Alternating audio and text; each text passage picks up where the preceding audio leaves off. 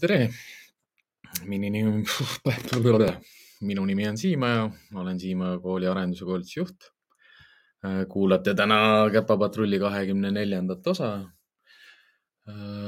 tänase osa teemaks on meil noh, ütleme jalutuskäik üldiselt. rohkem praegu nagu ilmadega arvestades ka, et räägime rihmata jalutuskäigust, räägime ka suures laastus just sellistest nagu teemadest nagu, et, et mida me, kuidas koerad mõistavad toas olemist, aias olemist ja õues olemist. et noh, ongi, jaga mitte ainult nagu isiklikku kogemust, vaid ka, vaid ka noh, kõike, mida on, on aastate jooksul õpitud. tšau, Erika ehk siis noh, ma hakkasingi täna just mõtlema, et kui ma oma esimese teenistuskoera atesteerisin kahe tuhande üheteistkümnendal aastal, siis enne seda ma olin teda juba ju pikemalt koolitanud ja, ja, ja, ja ongi nagu huvitav mõelda järele sellele, et, et kui pikalt tegelikult on, on seda kogemust kogutud nagu erinevatest kohtadest.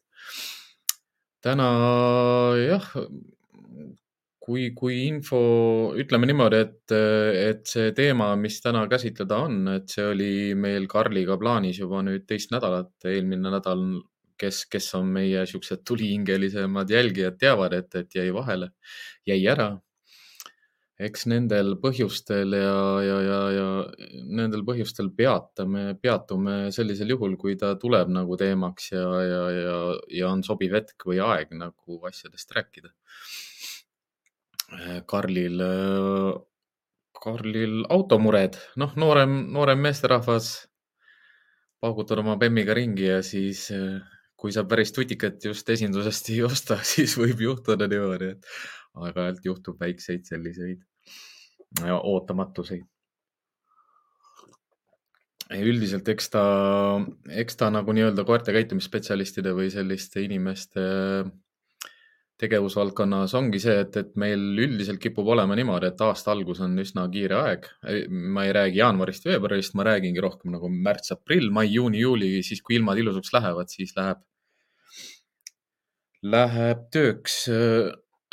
noh, ise isiklikult ma ei tunne seda, et, et ma talvel on vähem kliente või suvel rohkem, pigem ikkagi noh, pühade ajal inimesed ongi kodus, see on täiesti iseenesestmõistetav ja kui pühad on läbi, siis hakkab äh, kõik jälle pihta. noh, püha, püha all ma mõtlengi rohkem äh, jõuludel, jõuludest hakkab pihta ja aastavahetusega lõpeb, et, et ikkagi jaanuari teisest nädalast ikka juba hakkab äh, tööd tulema.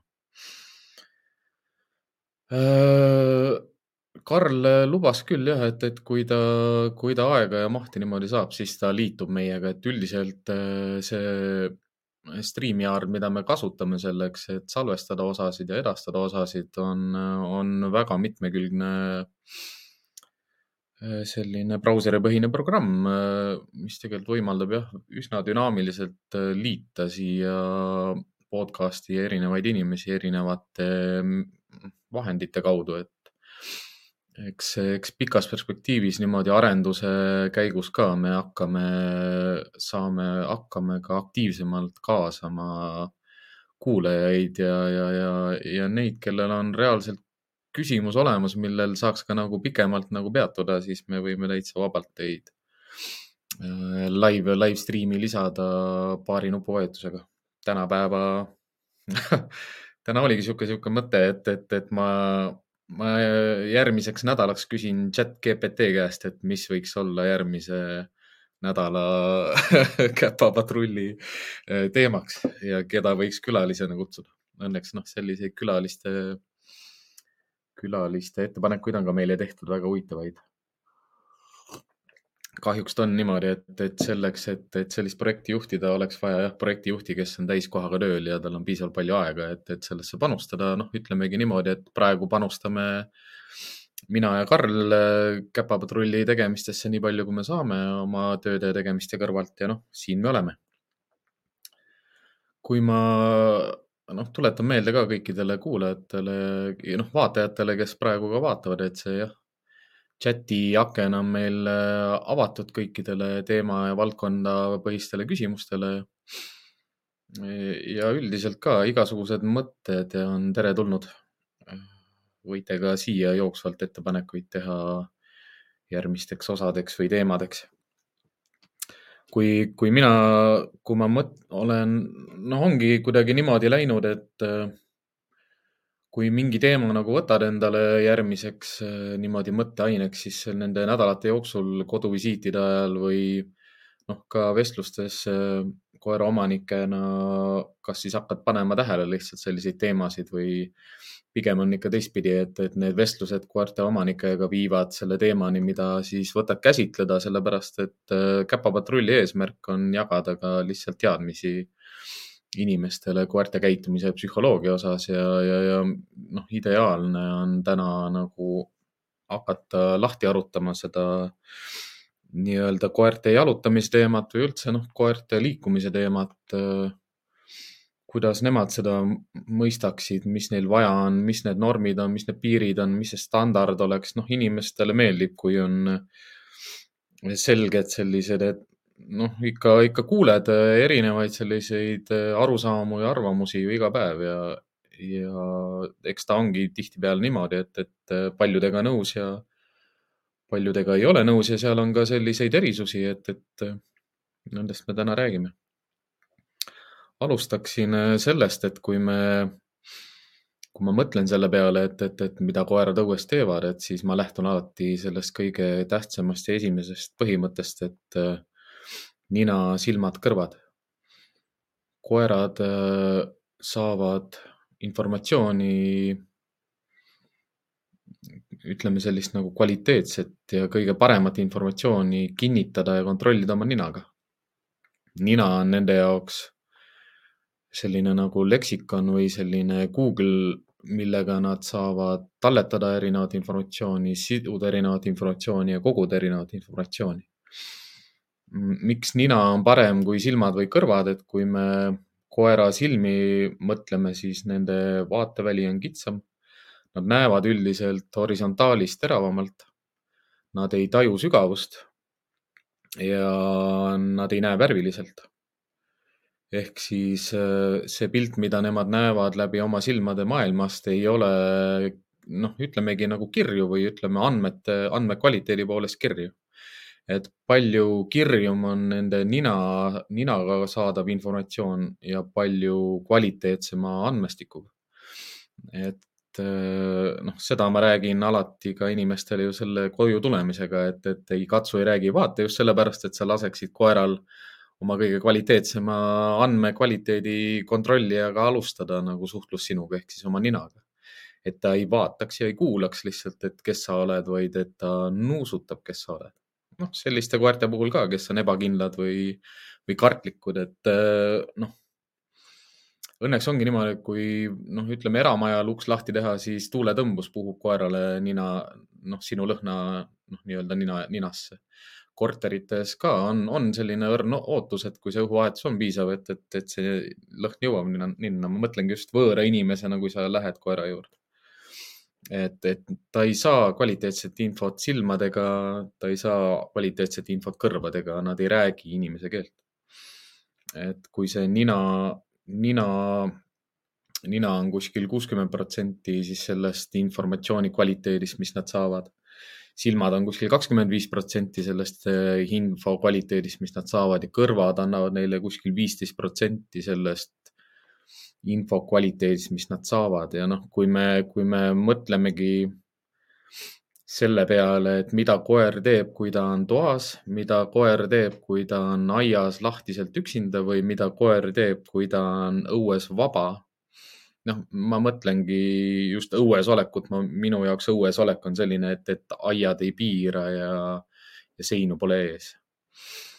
Aias olek on, aias olek on reeglina ikkagi ka nii-öelda aiaga piiratud ala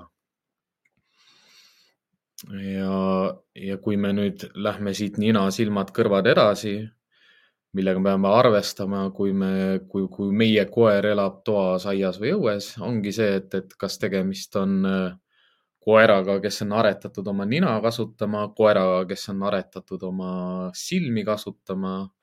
Üldiselt selliseid koeri, kes on aretatud oma kõrvu kasutama, noh nagu kuulama, et kas kuskil midagi toimub, et koeri ei treenita teenistuses ega tööliinides kuskil nagu noh, ilmselt võib-olla keegi on treeninud neid kuulama midagi, aga mina isiklikult noh, tean ainult, et noh, vile kasutamine või kõrgete helide kasutamine selleks, et neid kutsuda enda juurde tagasi. Või et noh, luua sellele helile mingi tähendus. Mm.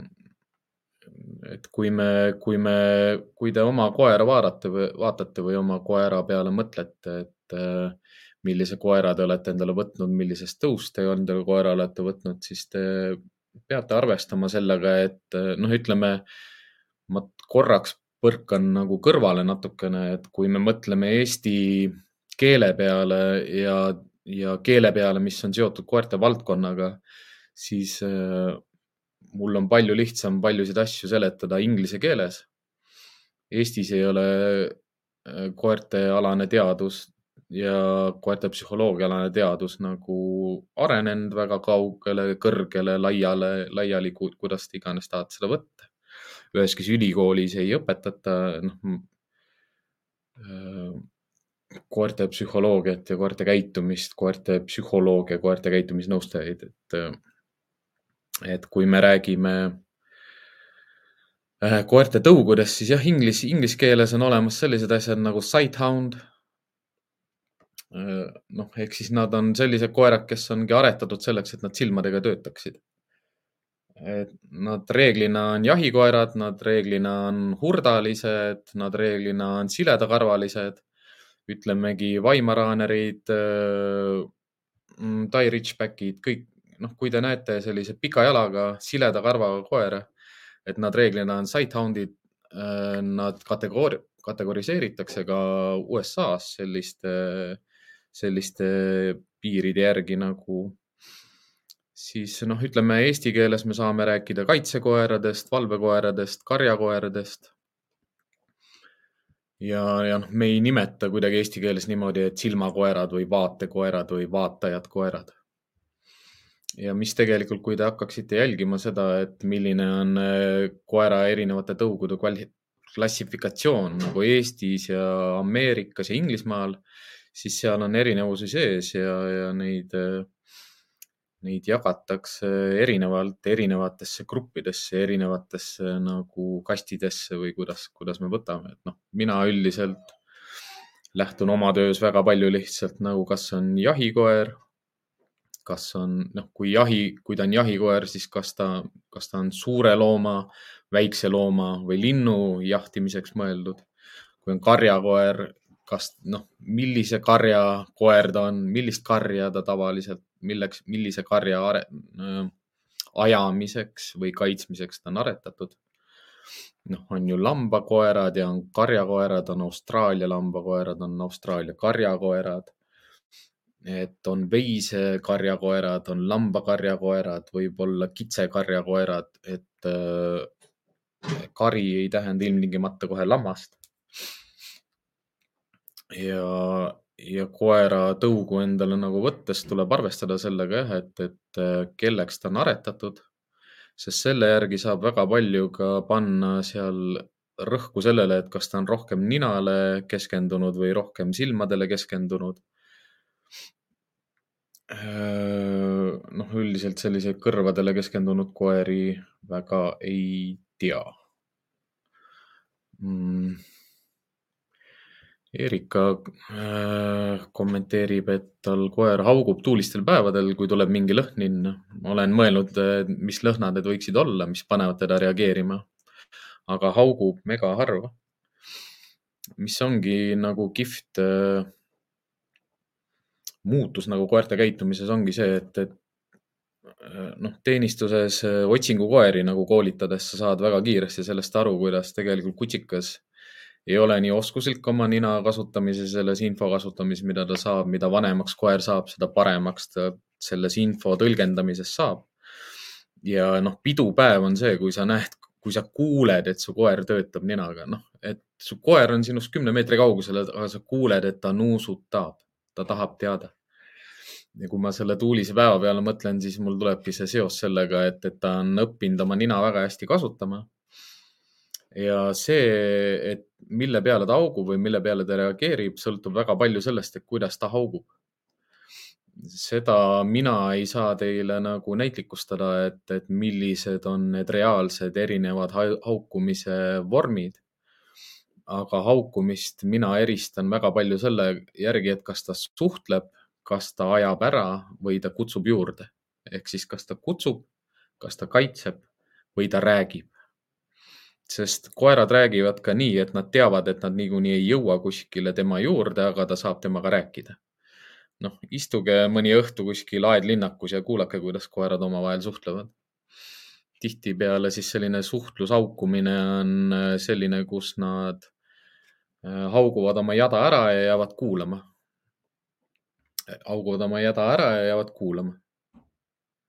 Noh, kaitsehaukumine on hästi selline agressiivne ja, ja võõra või, või hirmutatava asja, osa asja suunas nagu aktiivne, reaktiivne öeldakse selle kohta ka. Noh, väikestel koertel või noh, harglikel koertel tuleb see kaitsehaukumine ju ka hirmust, aga see on, hirmu puhul tuleb sinna niisugune peenikene noot sisse. et see ongi nii huvitav, et, et osad koerad ju hauguvad niimoodi, et nad võivad ka, nende haukumise mõte võib haukumise ajal muutuda. ehk siis nad alguses hauguvad sellepärast, et nad ehmatasid, siis nad hauguvad sellepärast, et nad ajasid ära, siis nad hauguvad sellepärast, et nad ütlevad, et äh, mine kiiremini või ära mine nii kiiresti või tule siia siis, kui sa nii kõva mees oled. et äh, täna just rääkisin ühe oma endise mentoriga ja, ja see on nii, see on nii nagu, nagu kingitus ka, kui ka vahest, vahest ka nagu selline raske taak, mida kanda, et mida rohkem sa koertest hakkad aru saama. et, et vahest on nagu lõbus, teinekord jälle on, on natukene kahju osadest koertest, sest sa saad aru, mis teda segab või mis teda piinab ja noh et ta on õnnistus kindlasti, kui sa oskad koeri lugeda, nende kehakeelt ja ta on õnnistus, kui sa saad nende haukumisest aru, sest sa saad ka inimestele seletada, miks ta haugub või sa saad ka iseendale seletada, miks ta haugub ja mis ta mõte on. aga jah, olen, olen näinud selliseid koeri, kes hakkavad haukuma sellepärast, et nad lihtsalt erutuvad selle lõhna peale, nad on lihtsalt rõõmsad või õnnelikud olen näinud koeri, kes hakkavad lõhna peale haukuma, sellepärast et nad ei tea, mis asi see on. igaks juhuks hauguvad. ja tean ka selliseid koeri, kes tunnevad lõhna ja noh, ongi, kas ta kutsub ära või aja, aja, kas ta kutsub juurde või ajab ära. aga noh, seda niimoodi ei tea jah. seda, et, et kas koer haugub koera peale või inimeste peale seda on peaaegu võimatu nagu eristada. noh, ongi, kas koer haugub teise looma, teise koera või inimese või noh, mingi muu lõhn, kasvõi näiteks, ma ei tea, diiseltraktor on ju. et seda on võimatu eristada, sellepärast et see kõne on ikka sama, see kõne tähendus on ikka sama. aga ma kujutan ette, et jahikoer, noh, metslooma peale oleks tõesti huvi, aga see peab seostuma tal selle metslooma kogemusega ehk siis kas mingi varasem pilt, äh, mis noh, kuna koerad on reaktiivsed, äh, kui nad mingit lõhna, noh, okei okay,, lähme siis sinna Lähme selle ree peale. koera ninas on kolme tüüpi retseptoreid, mis on nagu valdavalt siis suunatud mingitele kindlatele lõhnadele koera elu jooksul need retseptorid äh, vahetuvad, jooksvalt kogu aeg vahetuvad, need grupid vahetuvad ja nende, ütleme, et kui algselt on neid kõiki kolmkümmend kolm protsenti, siis kui sa õpetad äh, oma koera otsima näiteks inimesi, siis võib täitsa niimoodi olla, et üks nendest gruppidest kaob ära või taandub täielikult ja asendub kahe uue grupiga või siis üks grupp tõuseb nagu prevaleerivaks ehk siis selleks, et äh, koera keha tahab seda lõhna leida noh, nüüd kui me räägimegi noh, linnukoertest või jahikoertest, eh, noh, me võime rääkida ka terjeritest ja kui me terjeritest räägime, siis me räägime ka Amstaffidest ja kõikidest eh, tõugudest, kus on terjerid sees. et kui te mõtlete ka selle peale niimoodi, et, et eh, mis lõhna peale ta reageerib tugevalt, siis geneetiliselt on tal osad retseptorid tugevamalt pandud reageerima kindlat tüüpi lõhnadele. Noh, teine võimalus on lihtsalt see, et, et süstemaatiliselt, kas ta ise õpetab ennast. et kui ma, noh, me jõuame ringiga sinnani ka, et, et mida koer üksinda aias teeb ja mida, mis võimalused tal on õppida midagi, mingit lõhna eelistama või mingit lõhna ära ajama.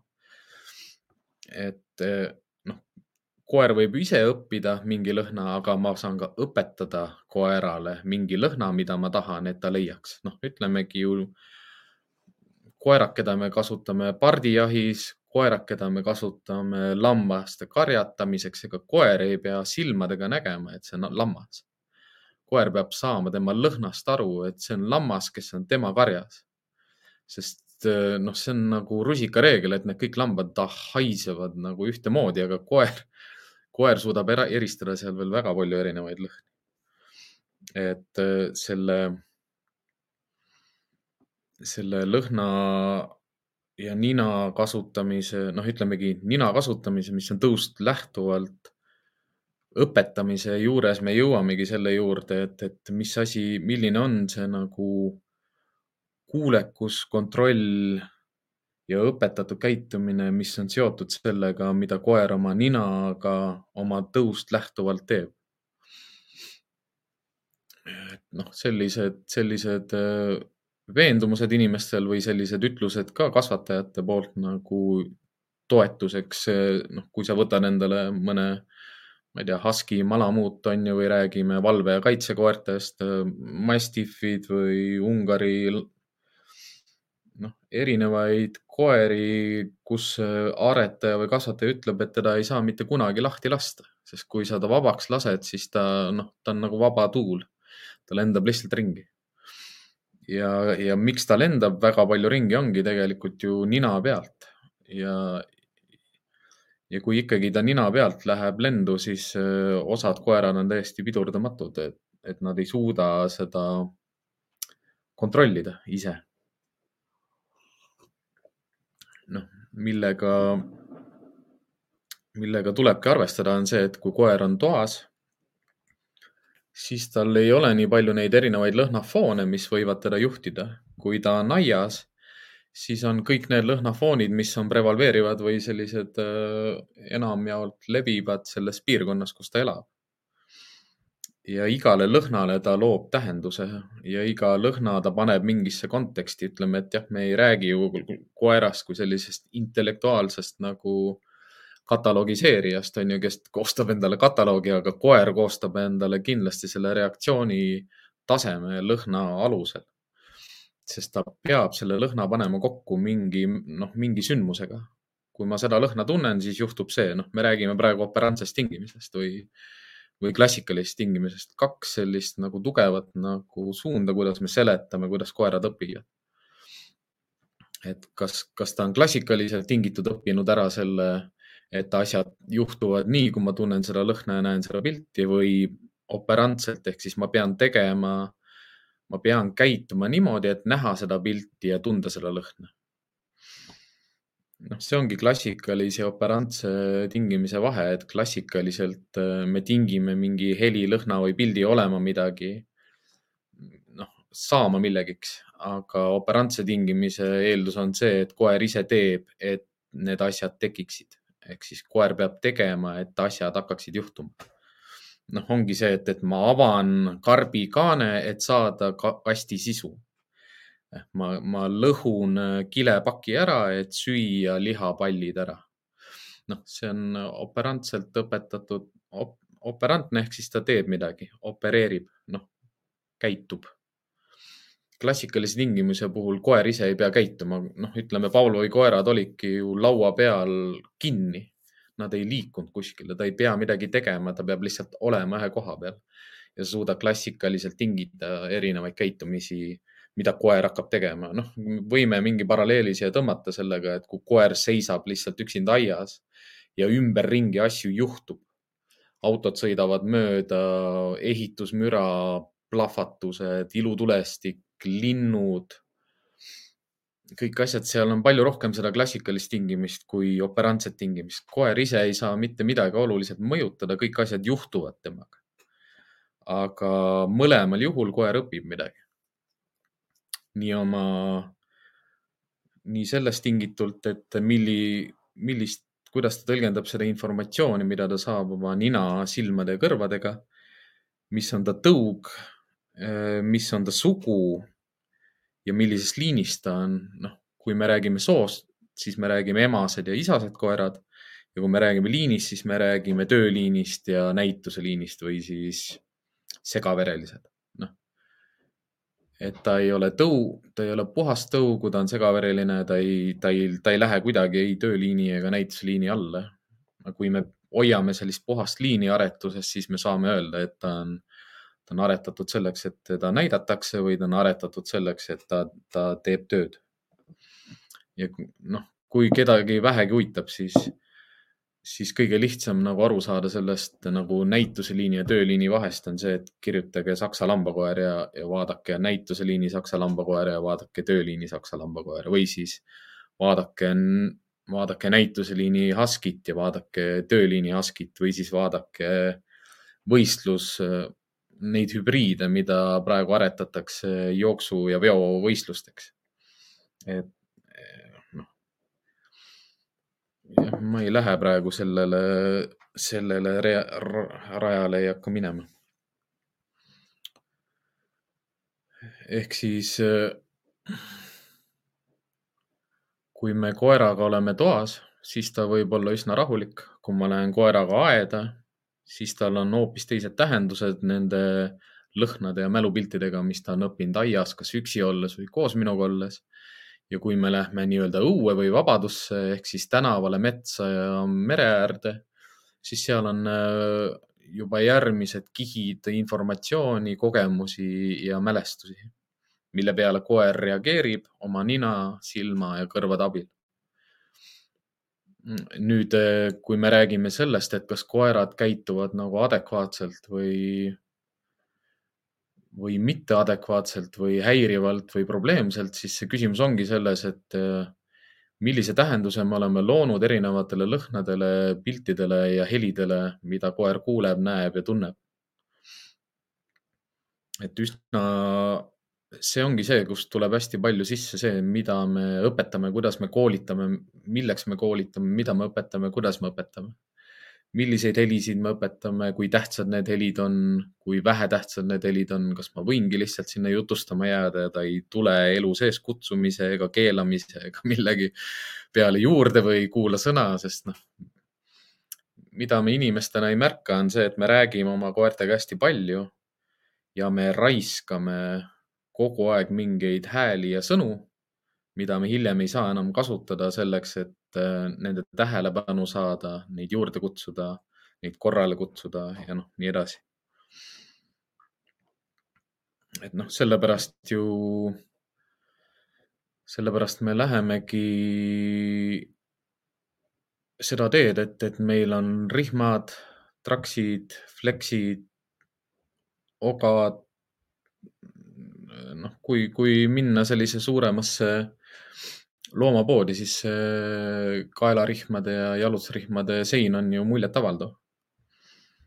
see ei ole ju ilma põhjuseta, selle põhjus ongi valdavalt selles, et äh, sellest ajast peale, kui kutsikas sündis, kõige esimesena ta hakkab nägema ehk siis avanevad silmad, ta hakkab juba õppima ja koguma informatsiooni, teisena avab nina ta hakkab juba õppima ja koguma informatsiooni ja viimasena hakkab kuulma, ta hakkab õppima ja koguma informatsiooni, et eh, ei pea ootama kutsikana, kutsikaga, et ta saaks nelja, viie, kuue kuuseks, et ma lähen temaga kutsikakooli või näitan talle maailma või jalutan väljas ringi, vaid ma lähen kutsikaga iga päev õue ja olen õues peale seda, kui ta kahekümne esimesel päeval silmad avab. Või noh, nii-öelda kõrvad avab ehk siis kuulma, noh, kuulma hakkab lõpuks. ta on täiesti valmis, tal on hambad suus, noh, veel parem on siis jah, kui ta läheb, ütleme piima, piima pealt tahke toidu peale üle. kui me ikka näeme juba, et emane koer oksendab kutsikale tahket toitu, et nad hakkaksid sööma, siis me, siis ta on juba täiesti valmis nagu maailmas liikuma, õppima, ta juba õp, ta õpib, ta liigub, ta õpib juba ju ammu. Hästi hea raamat, hästi palju häid raamatuid on. aga sellise, selline raamat nagu Scott ja Fuller, kes noh, ma, The social behavior of dogs on ju noh, see seletab nii hästi ära seda, et millal kutsikad hakkavad õppima. siis, kui nad sünnivad jah, sellele küsimusele, et kuidas Wise'il läheb, ma võib-olla tänase podcast'i lõpuks vastan.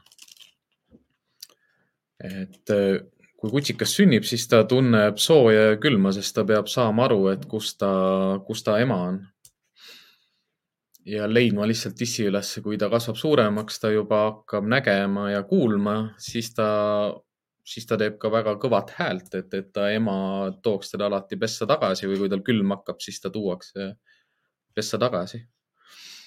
ja see, seda võib juba pidada selliseks esimeseks õppimiseks, mis on ka hästi naturaalne või selline gene geneetikast tulenev, ehk siis nad õpivad juba, et kui nad teevad häält, siis tullakse appi ja noh, see kandub ju edasi kogu, kogu koera edaspidisesse arengusse, et miks ma räägin sellest, et, et kui ma tulen tagasi rihmade, trakside ja flekside juurde, ongi see ju, et me ise õpetame nad ju vedama.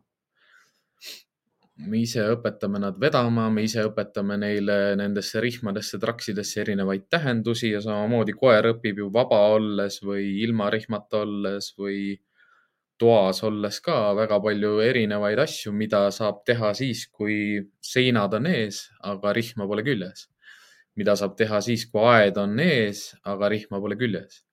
mida saab teha siis, kui rihm on küljes, mida peab tegema siis, kui rihm on küljes, mida ma saan teha siis, kui rihm on küljes. või kui ma õues võtan talt järsku rihma küljest ära, et mida ta siis teeb hästi, noh, see on, see on nii tihe selline mõte minul koerte käitumise nõustaja koolitajana, et kui, kui mul oleks iga kord võimalus sellele küsimusele saada vastus niimoodi, et et kui ma küsin koera omaniku käest, et kas sa tead, mida ta teeb väljas olles, siis kui tal ei ole rihma küljes, noh, kuhu ta läheb, kaugele ta läheb, kas ta jookseb ära, kas ta on su juures. enamus inimesi seda ei tea, et mida koer teeb siis, kui ma võtan tal õues rihma küljest ära. aga ma saan koera käitumisest aru ka selliste koerte käitumisest aru, kes juba noh, on agressiivsed ja reaktiivsed rihmas teiste koerte peale, et noh, võtame rihma küljest ära, noh, vaata, ta ei ründa mitte kedagi, ta lihtsalt kardab. ja ta haugub sellepärast, et rihm on küljes. ta on reaktiivne rihmas, noh, seda nimetataksegi rihma reaktiivsuseks, võta rihm küljest ära, jääb vait. aga keegi ei, noh, sa ei proovi seda, sa oled kuskil Mustamäel kuskil pargis, sa ei võta koeral rihma küljest ära, et vaadata, et äkki, et noh riskin sellega, et võib-olla noh, ta jääb vait. aga noh, mis on kindel, on see, et, et äh, me õpetame oma koeri noh, enda teadmata ka käituma selliselt, nagu nad käituvad, sellepärast et ma tahan, et ta oleks õues. ma tahan, et ta käiks aias, ma tahan, et ta oleks aias aga ma ei teadvusta endale seda, et kõik, mida ta aias üksi olles õpib, jääb talle eluks ajaks meelde ja kõik käitumised kinnistuvad ja ma ei saa neid, ma ei saa neid lihtsalt ära kustutada, ma ei saa neid tühistada, ma ei saa neid lah-, öelda talle, et kuule, unusta ära, ära, ära homme enam tee nii.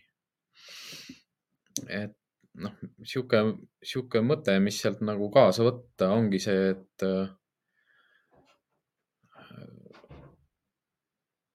noh, ma saan aru, et, et, et kui mul on juba vanem koer ja ma, ma ei ole veel koera võtnud, aga kui ma plaanin kutsika võtmist või ma tahan koera võtta, siis arvestage sellega, et kõik, mis koer üksi olles õpib, jääb talle eluks ajaks meelde. ja nüüd te ei saa kontrollida seda, mida koer üksinda aias õpib, te ei saa kontrollida ka seda, mida koer teiega rihmas jalutades õpib ja te ei saa ka kontrollida seda, mida koer lahtiselt olles õues õpib. noh, nagu, nagu lõputult või noh, kõike, mida ta teeb. sest koerad on kihvtid loomad ja nad õpivad kogu aeg. ei peatu ja seisma ei lõppe, ei toimu ainult siis, kui nad on treeningsaalis, ei toimu ainult siis, kui nad on treeningplatsil, nad õpivad kogu aeg. Kõik, mis te teete, kõik mõjutab seda, kuidas nad maailmast aru saavad või noh, ma ei nimetaks seda ümberõppeks, aga üks asi, mis mulle koerte puhul meeldib, on see, et koertele saab alati selgeks teha või meelde tuletada, et hei, sa oled koer, sa oled, sa oled koer, koerad käituvad nii, sa tead ju, et koerad käituvad nii. või siis noh, karja struktuurist rääkides, et, et sinu koht selles karjas on teistsugune praegu, noh, mis, mis koerte dünaam-, noh, karja dünaamiku juures ongi äge, on see, et see karja dünaamika ju muutub ajas. et kui, kui koer jääb üksinda koju ja te lähete kodust ära, siis on karja dünaamika teine, kui koer jääb aeda ja te lähete kodust ära, siis karja dünaamika on teine. ja üldiselt, kui me oleme koeraga õues ja me laseme ta rihmast lahti, siis üheksakümmend üheksa protsenti koertest püsib inimese juures, tuleb inimese juurde tagasi isegi siis, kui ta kaotab temaga silmkontakti. ja kuskil noh, ütleme julgelt selline kuuskümmend viis kuni seitsekümmend protsenti koertest ei lase oma inimest silmist. ta ei, nad võivad minna kaugele. noh, ütleme, kui on sellised suuremad põllud ja, ja laiemad alad, kus tal on hea inimest näha ta lihtsalt vaatab korraks üle õla tagasi, sa isegi ei pruugi märgata, et ta vaatas. aga noh, neid käitumisi on nagu huvitav ja oluline nagu jälgida, kui ta on, kui ta on õues ja jookseb ringi. Mm, noh, ma ei ütle mitte kuidagi seda, et, et ma soovitan kõigil minna õue ja oma koer lahti lasta ja, ja samamoodi ma ei ütle ka mitte kellelegi seda, et sa ei saa oma koera mitte kunagi lahti lasta sest sellist reeglit ei ole ei üheski tõus ega üheski nagu noh, koolkonnas, ütleme jah. Huskid ja malamuudid ei ole sellised koerad, keda ma hea meelega lahti lasen, lihtsalt nagu niimoodi, et, et ma ei ole temaga tuttavaks saanud, ma ei tea ka ühtegi Huskit, keda ma oleks kunagi usaldanud nii palju, et ma saan ta lahti lasta. Husky, ütleme, veokoer on puhtalt selline, et kui ta hakkab minema, siis ta läheb nagu tank, noh mm.? Erikal tuli ükskord poodi klient. et ta ema on nii vana ja koer tirib, vaja osta trakse. minul kohe ehmatas, et traksid ju tirimiseks, tõmbamiseks ehk siis sain päästa olukorra selgitades. Äh, jah, noh, ongi, et trakside, trakside teema on minu jaoks hästi lihtne ja, ja, ja seal on alati selline paradigma nagu sees, et, et vahest noh, nüüd äh, alles eile sain ühelt kliendilt kirja, et, äh, et ta, et muidu koer jalutab rihmas ilusti lõdarihmaga, aga kui ta käib koeraga jooksmas, siis koer poob ennast. mul oli kohe selline mõte, miks sa talle traksi ei pane. et ma ei ole ju trakside vastane, et traksidel on kõik vahendid, mis on, kõik vahendid, mis on üldse kunagi koerte maailma toodetud. noh, kaasa arvatud elektrikaelarihmad, ogad, traksid, eestkinnitusega traksid, turja pealt kinnitusega traksid, selja pealt kinnitusega traksid, tagumiku pealt kinnitusega traksid, laiad kaelarihmad, kitsad kaelarihmad, poovad rihmad, poolpoovad rihmad, koonurihmad. kõik asjad on kõik asjad on vahendid, mida saab kasutada selleks, et koeri õpetada. Nad ei, see, see ei ole kuidagi nagu reegel, et sa pead midagi nendest kasutama. traksid on raudselt vedamiseks ja kui sa koeraga lähed jooksma, rattaga sõitma, kelgutama, suusatama, siis pane oma koerale traksid. et ta saaks aru, et, et hetkel on tegemist vedamisega tööta. et, et, et see ei ole kindlasti jah, selline ju kuidagi, kuidagi pääsetee, et mu koer veab. ma panen talle traksid, sest siis ta ei poo ennast. see on nagu, kui me mõtleme selle õpetamise kohta, millest ma just enne rääkisin, millal kutsikad õppima hakkavad ja kuidas see toimub terve elu ja kogu aeg, kui ma teen talle vedamise mugavamaks, siis ta veab veel kõvemini ja noh, trakside probleem on üldiselt see ka, et kinnituskoht on alati sellise koha peal, kus nad alati on meist eespool. et kui me räägime jalutuskäigust, siis koera rinnak ei tohiks olla põlvedest eespool. isegi kui ta traksides ei vea, ta on ikkagi minu ees. ja selle, seda ei oska paljud inimesed lugeda, mida ta koer tema ees teeb. Noh, jällegi aastate jooksul ma olen, noh, ma kohe varsti räägin sellest, et, et mis on need kriteeriumid millest mina kinni pean, et, et koer lahti lasta ehk siis koerale vabadust pakkuda. ja ilmselt räägin ka siis selle uudise ära, mis Wise'iga juhtus äh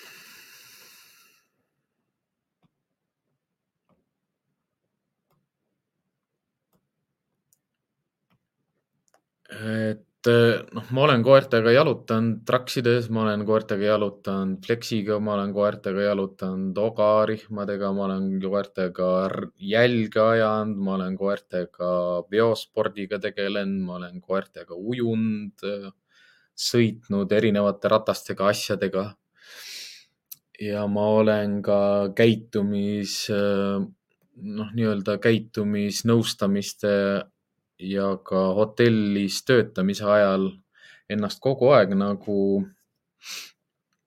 meelitan selliste mõtetega, mis inimesel ikka tulevad, et, et koer tahab ju vaba olla, koer tahab ju ringi ka joosta, koer, noh, äkki, äkki ta ei ole nii, nii kehva, et, et nüüd, kui ma ta lahti lasen, et midagi ei juhtu.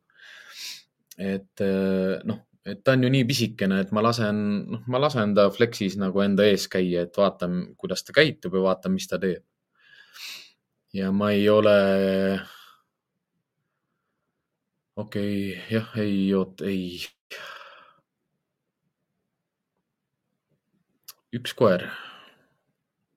kui mul nüüd tuleb meelde, see oli, see oli nagu nii arg koer, ma ei ole kunagi arglikku ja kartlikku koera näinud enam, kui see koer oli. ja selle koeraga ma jalutasin niimoodi, et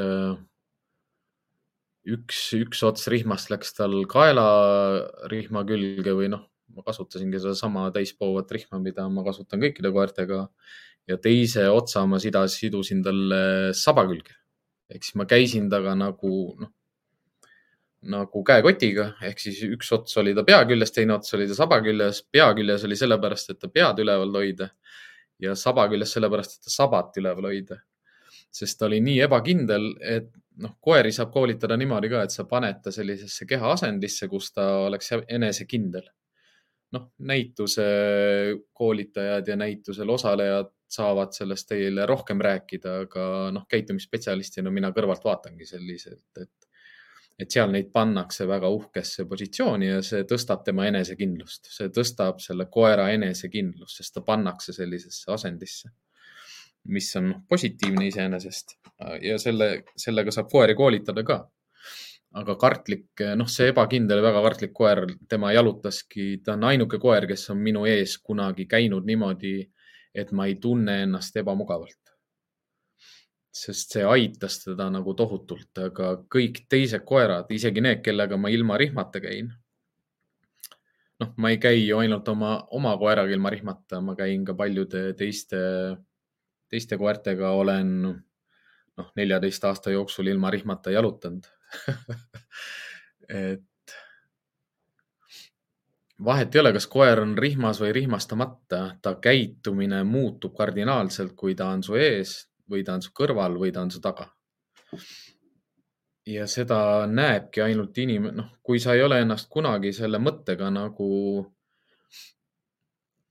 noh, sellise mõttega ennast nagu meelitanud, et, et et noh, e, pluss me ei näe, kuidas nad, me ei vaata, kuidas nad käituvad siis, kui nad on meie selja taga aga kui sa hakkad seda vaatama, siis sa, siis sa saad sellest vahest aru nagu, et mida ta teeb siis, kui ta on sinust tagapool ja mida ta teeb siis, kui ta on sinust eespool ja kui erinev see käitumine on.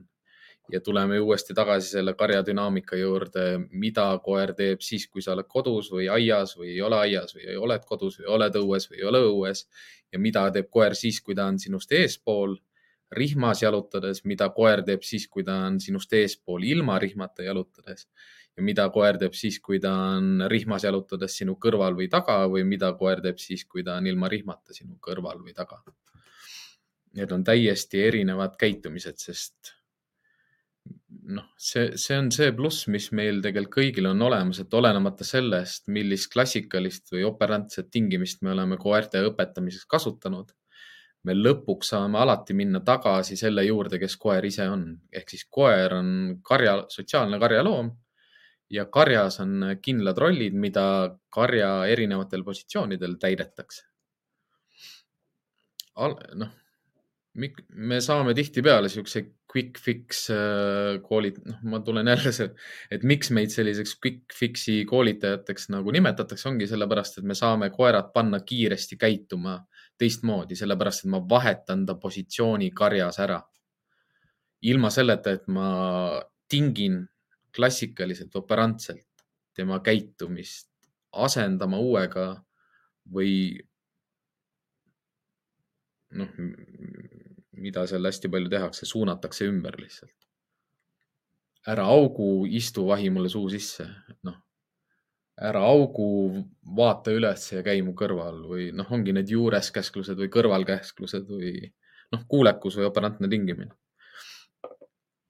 ja noh, kui kui suur on. Noh, ma jõuan selle juurde, ma ennem räägin ühe, ühe teema ära, millest ma kindlasti tahaks rääkida, et kui me räägime aiast, siis täna tuli meelde, et Eestis ei tohi enam koeri ketis pidada.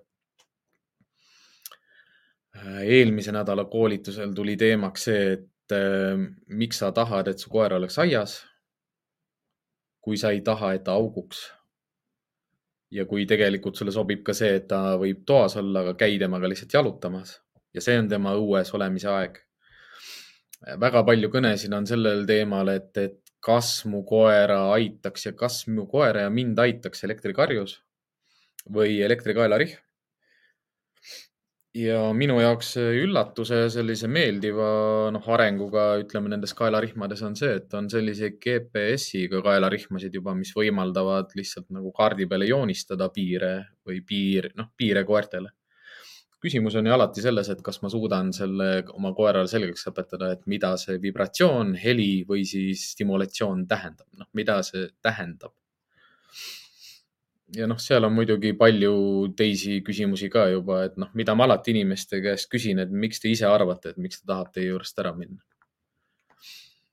et noh, kui mul ei ole aeda või piire ümber, et äh, miks te ise arvate, et koer tahab teie juurest ära minna, miks ta ära läheb ja mida ta läheb otsima või saama või juurde saama, mida tal siin ei ole et kui te suudate elada koeraga niimoodi, et teil on kodus kõik asjad olemas, mida tal on vaja, te täidate ta ära, ta on tasakaalus ja ta ootused on kõik täidetud, noh, vastavalt sellele, kes see koer on, siis ta ei lähe ju teie juurest ära, tal ei ole vaja ära minna. aga noh, ütleme ja keti osas, keti osas mina olen ikka veel natukene sellises nii ja naa seisukohas tõenäoliselt sellepärast, et kuidas ma olen, kuidas ma olen Eestis üles kasvanud koerte kõrval. et minu jaoks on endiselt kett on, on, on selline hea maja, parem, noh, hea majandamise vahend. Aga kindlasti jah, ei, ma ise olen ka rohkem tegelikult aediku, aediku usku. ma kindlasti ei ole seda usku, et koer peaks lahtiselt aias olema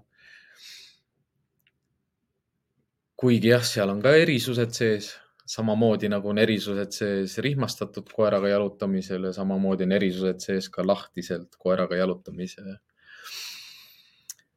osas. kui, kui noh, Erika küsimus ongi selles, et, et kas ma oskan õpetada ja aidata inimesi elektrikarjuste ja GPS saadikutega harjutama ja siis noh, ma oskan ja ma võin aidata ja tihtipeale ega, ega mulle helistataksegi, ega ma ei lähe kohale, et, et inimesi, see ei ole ju ühe päeva, see ei ole tunni aja töö ega see ei ole ühe päeva töö. Sest kui te ostate elektrikarjuse või GPS-saadiku, siis äh, sellega on juhend kaasas, kuidas koerale õpetada, et ta saaks aru, mida see stimulatsioon tähendab sest sa võid koera õpetada niimoodi ka, et kui ta saab voolu, siis ta hakkab veel kiiremini jooksma et ma olen ise selle, ise seda teinud, ma olen seda kõrvalt näinud ja, ja ma olen seda ka lisaks veel kuulnud. et mis ongi ju elektrikarjuste ja nende, nendega, nende ohud on need, et, et, et koerale ei õpetata selgeks seda, et mis, mida see stimulatsioon tähendab. teiseks see, et et äh, kui saavutatakse mingi edu, et siis arvataksegi juba, et valmis. ja alati on hästi tugev suund sellele, et, et, et inimesel oleks äh, lihtsam. sest koer on täitsa hull noh, minu jaoks ongi see alati see, et osta endale jalgratas või noh, ma ei tea, mine oma koeraga jalutama et ta ei ole päris nii jah, et out of the box, et plug and play, kindlasti mitte nagu ükski, ükski asi, ükski vahend, ükski treeningvahend ei ole ostan ja see töötab. et kõik treeningvahendid tuleb õpetada koerale selgeks. Ja nüüd, kui me räägime nendest jõujoontest, mis seal läbi jooksevad, et, et mida ma alati elektriga nagu inimestele ütlen, et kas sa tahad, et su koer teaks, et sa teed talle haiget või noh, ütleme elektrikarjuse puhul, kas sa tahad, et su koer arvaks, et maailmas on midagi sellist, mis teeb talle haiget. mis võib tekitada talle stressi sellest, et, et ta ju ei saa, keegi ei ole talle ju seletanud ära, miks tal on ebamugav.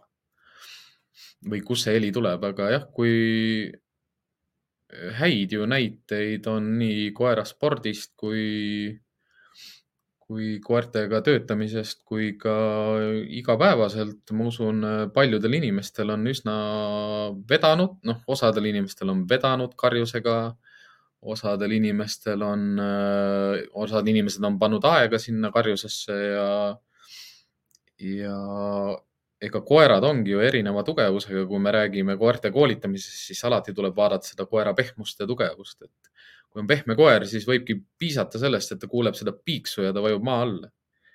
aga on kindlasti selliseid koeri, kes saavad kõige tugevama impulsi ja nad ei tee teist nägu. aga see ongi see küsimus, et, et ma kunagi ei ütle kellelegi, et ära kasuta ogasid, ära kasuta elektrikaelarihma, ära osta elektrikarjust. osta, aga arvesta sellega, et see ei pruugi õnnestuda ja ära jää kinni nagu sellesse et mul on vaja elektrikarjust. noh, ma juhin neid ka natukene alati nagu teisele mõttelaadile, et äh, noh, millise energiatasemega on su koer, kui palju ta vajab liikumist päevas ja kas, äh, kas on mingid kindlad põhjused selle koera päevakorralduses või igapäevases majandamises, miks ta, miks ta peaks tahtma ära minna? Noh, miks ta peaks tahtma ära minna? mm,? noh, minu jaoks selline kitsaskoht ja selline, selline äh, puhtalt minu isiklik äh, seisukoht sellest jah, et, et kui koerad lähevad kodust ära, jooksevad kodust ära, ründavad teisi inimesi, auguvad lakkamatult, noh, see on alati frustratsioon, teadmatus, oskamatus, äh, teadmatus, oskamatus, frustreerumine, stress, pinged mitte, kuidas saab olla stressi, frustratsiooni, teadmatuse, pinge, pingete lahenduseks elektrikarjus? kuidas saab olla selle lahenduseks, et sa ei mängi oma koeraga, sa ei jaluta oma koeraga äh,, lahenduseks elektrikarjus või et noh, millest me räägime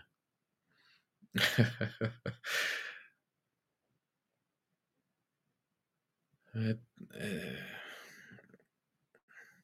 noh, ongi, et, et kui me läheme siit, noh, hakkame vaikselt otsi kokku tõmbama, siis ju kui me mõtleme selle peale selliselt, et koera kõige parem informatsioon tuleb ninast. Koera tõust ja liinist ja soost olenevalt on tema käitumine erinev. see, milline on minu, minu tegevus temaga olnud nii õpetaja kui karjaliikme, kui noh, minu poolest kasvõi, kasvõi sellena, kes, kes juhib hirmuga, kes juhib jõuga.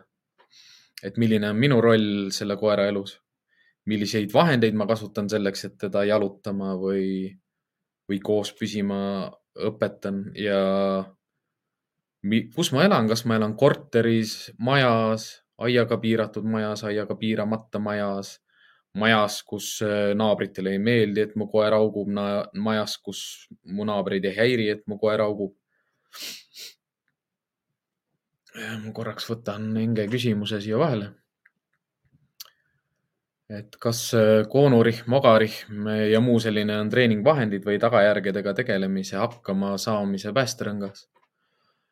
et mulle meeldib sinu see teine mõte nagu rohkem jah, et äh, noh, praktilisest vajadusest on olemas sellised asjad nagu jalutusrihm ja traksid. Trakse kasutati ajalooliselt äh, paljudele erinevate koerte puhul, sest koerad aitasid ka kärusid vedada. koertega aetakse, on, koeri on kasutatud selleks, et nad äh, noh, räägime haskidest ja malamuutidest veokoerad, kelguvedajad Äh, Rottweileriga viidi veis äh, turule ja toodi rahakott tagasi. Äh, Rottweilerid aitasid ka väikseid kärusid turule viia väärtuslike asjadega. Nad, nad mitte ainult ei vedanud, vaid nad ka kaitsesid seda, mida nad veavad. et kui me mõtleme nende mägikoerte peale, kes kannavad seda rummi, rummi rummikankut endal kaelas või siis, äh, kui te lähete, tänapäeval lähete Aafrikasse mõne hõimu juurde ja neil on basenžid, siis basenžidel on kaelas selline suur kellukene, sest siis nad kuulevad, kus nad jooksevad ja siis nad leiavad looma üles, kuna basenžid ei augu. siis äh, neil on suured kellukesed kaelas, siis nad kuulevad, kus see basenžide kari liigub. noh, reeglina nad on, nad ümbritsevad mingit looma, aga noh, kui me räägimegi vahenditest ja kust need tulnud on, siis need kõik vahendid on tulnud sellest, mida me oleme koertega teinud, milleks nad on vajalikud olnud ja millise töö tegemiseks neid on vaja olnud. ja kui me nüüd räägime koonurihmadest, ogarihmadest, siis see on puhtalt ju erinevad koolkonnad, mis on, noh, koonurihm on ju sellise koolkonna koolkonna treeningvahend, kes ei taha ogarihma kasutada.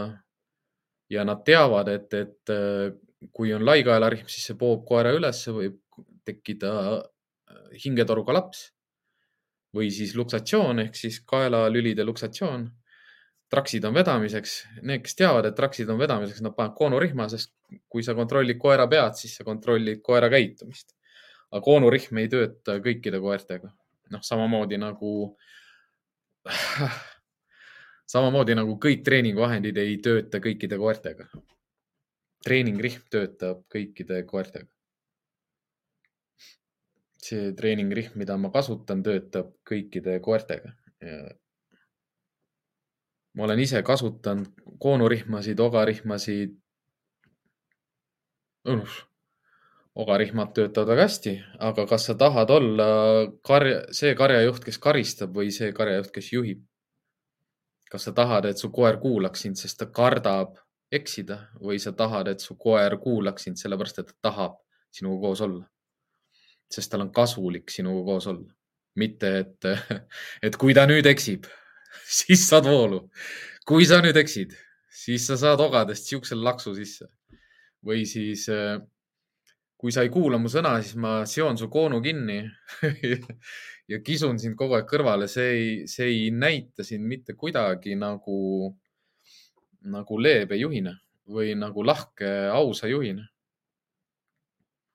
ja ei noh, me võime siit tuua selle paralleeli, et, et kas ma olen aus ja lahke juht, kui ma poon oma koera, aga noh, ma võin lõpuni seda trummi nagu taguda, et, et see täispoov rihm ei ole mõeldud poomiseks.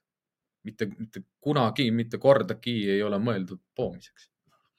oi, Katrin äh, ja, ja noh, sellepärast, et, et kui me noh, äh, noh, Katrin äh, ütlebki, et kui koeraga jalutama minnes püsid ta enam-vähem mu kõrval ja ei tiri, aga noh, kui sa koju, kodu poole suuna võtad, siis ta tahab väga tirida, see ongi ju see, see on osaliselt nagu õpitud käitumine sellest, et äh, sa ikkagi ei juhi teda noh, nagu täielikult. sest tema teab, kus kodu on noh, mina nimetan neid nendeks nagu purilennukkoerteks, et eh, ta ei vea siis, kui sa lähed kodust eemale. noh, osad koerad käivad isegi hästi pikalt järg, noh, kümme meetrit sinust tagapool. aga nii kui otsa ringi keerad, siis nad teavad täpselt, kuhu vaja minna. noh, need on reeglina ka natukene sellised ebakindlamad koerad, keda võib ka vaadata sellisena, et talle ei meeldigi üldse õues olla. aga noh, siin ongi jälle see küsimus, et et miks talle ei meeldi minuga õues olla või miks ta ei tunne ennast turvaliselt, kui ta õues on. et äh, noh, vastupidi, vastupidine käitumine ongi ju see, et, et koer veab hästi palju jalutuskäigu alguses, aga tagasi tuleb lõdarihmaga. ehk siis ongi, seal on see küsimus rohkem, et ta on lihtsalt alguses erutunud, sest õue minek on selline, et lähme õue, tule siia, paneme rihmaga noh, tõmbad koera siukse erutuse üles ja siis lähed sellega wow!, onju. ja, ja noh, teine asi lihtsalt see, et, et toas ei ole ju erutavaid äh, lõhnu, mälupilte ja asju, aga koer teab, et nii kui ta õue pääseb või metsa või muru, noh, ta käpud, käpad puudutavad muru, siis sellel on kohe tähendust. kui ta käpad puudutavad liiva, siis sellel on tähendus. et ei, ei saa panna alati niimoodi selle külge, et et talle meeldib metsas olla, võib-olla talle meeldib sambla peal olla, võib-olla tal on samblaga mingid seosed. aga koju tirijaid on palju ja, ja seal ongi see küsimus selles, et, et kas koju jõudmine, kas kodus toimub noh, hästi palju ägedaid asju, ütleme, et, et kui me mängime koeraga toas, kui koer saab toas süüa kui koeral on toas pesa, kus tal on turva, turvaline ja soe olla, kui koeral on kodus diivan, kus ta on kõrgel ja turvalise koha peal. noh, sellised koerad võivad ka koju vedada, sest ta tunneb ennast seal palju kindlamalt. noh, pluss veel neli seina, eks. turvaline ju. palju turvalisem ka õues olla. aga noh, selle, selle jalutuskäigu puhul ongi see, et, et kui üldiselt niimoodi jalutuskäigu, noh kõige mõistlikum sellises olukorras olekski käituda selliselt, et ma ei lase tal ennast koju tagasi viia. noh, mida saab rihmaga blokeerida? rihmaga saab blokeerida vedamist, põgenemist ja kiirustamist või siis trügimist. ehk siis noh, need on kõik käitumismustrid, need on kõik käitumismustrid, mida saab blokeerida. noh, sa blokeeridki selliselt, et sa tuletad meelde, et kuule, ma olen ka maailmas olemas noh, ütleme niimoodi hästi nagu toorelt öeldes, aga, aga pikas perspektiivis on ikkagi see, et usalda mind. ma viin sind niikuinii koju.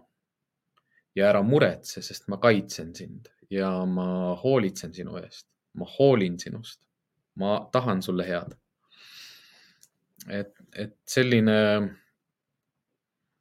selliseid koeri on mul palju olnud, kes kes ei vea kõvasti rihmas, aga nad on alati natukene minust eespool. noh, natukene minust eespool. ja selline arake ja ebakindel koer võib ka olla sinust eespool, sest sina oled veel arem kui on sellised emotsionaalsed, noh, naistel on palju lihtsam olla emotsionaalne ja empaatiline. kui on emotsionaalne, empaatiline, armastav inimene, siis ta on nõrk energia ja nendest koertest suruvad, nendest inimestest suruvad isegi koerad, kes on äh, nii ebakindlad, et nad kardavad oma varju. sest see inimene on selle koera jaoks veel nõrgem kui see, kui tema ise. aga see pool, pool ees on rohkem selline õpetatud käitumine ka, et, et, et kust, kust on ikkagi karistatud seda, kust maalt on karistatud seda, et, et ta on vale koha peal või et kus maal tal endal ka on lihtsam nagu alati keha ette keerata, et blokeerida. et äh, selliste koerte puhul alati tuleb ikkagi see viimane, viimane viisteist sentimeetrit tuleb ikkagi tagasi võtta, et ta käiks tagapool, et, et ta ei trügiks sinna ette. et seal ongi see, et, et kas ma, kas ma, kui ma jalutamist vaatan rihmas, et kas koer veab rihmas, kas ta on õppinud vedama kas koer trügib rihmas, kas ta on õppinud sedasi väljas olema, et ta trügib alati sinu ette, sest ega noh, sina ju ei otsusta, mis on õige, mis on vale. ja sa ei kaitse mind ja sa ei aita mind ju. ja, või siis koer äh, on reaktiivne ehk siis ta põgeneb. noh, noh niimoodi, et inimene, linn lendas, hakkab põgenema, inimene tuleb selja tagant, hakkab põgenema, ratas sõidab, hakkab põgenema, buss sõidab, hakkab põgenema, auto sõidab, hakkab põgenema. äärekivi on liiga lähedal, hakkab põgenema, see kaevuluuk on ju, sealt paneb kiiruga üle, hakkab põgenema, et noh, kõik koerad ei vea ju sellepärast, et, et nad tahavad vedada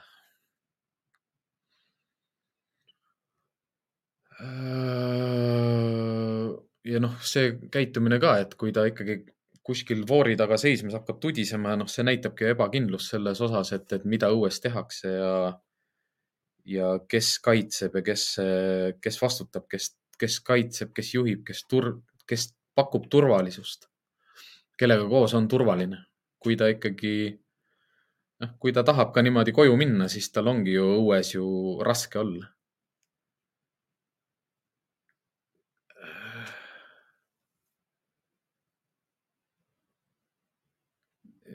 noh, ongi jalutuskäigul on hästi oluline see, et kui Katrin küsib, et kas aitaks see, et kui suunata pilk ettepoole ja mitte koerast välja teha, noh, küsimus ei ole koera eiramine.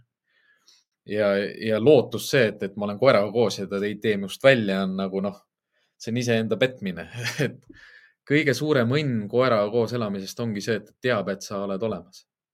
noh, koeral ei ole vaja näha sind, et teada, et sa oled olemas koer võib kuulda, et sa oled olemas ja koer võib tunda su lõhna lihtsalt, et sa oled olemas. mida ma alati inimestele ütlen ka, et, et kui noh, ootad selle, et pissib ära ja hakkad liikuma, kõigil on niisugune automaatne reaktsioon, et lähme koos siia.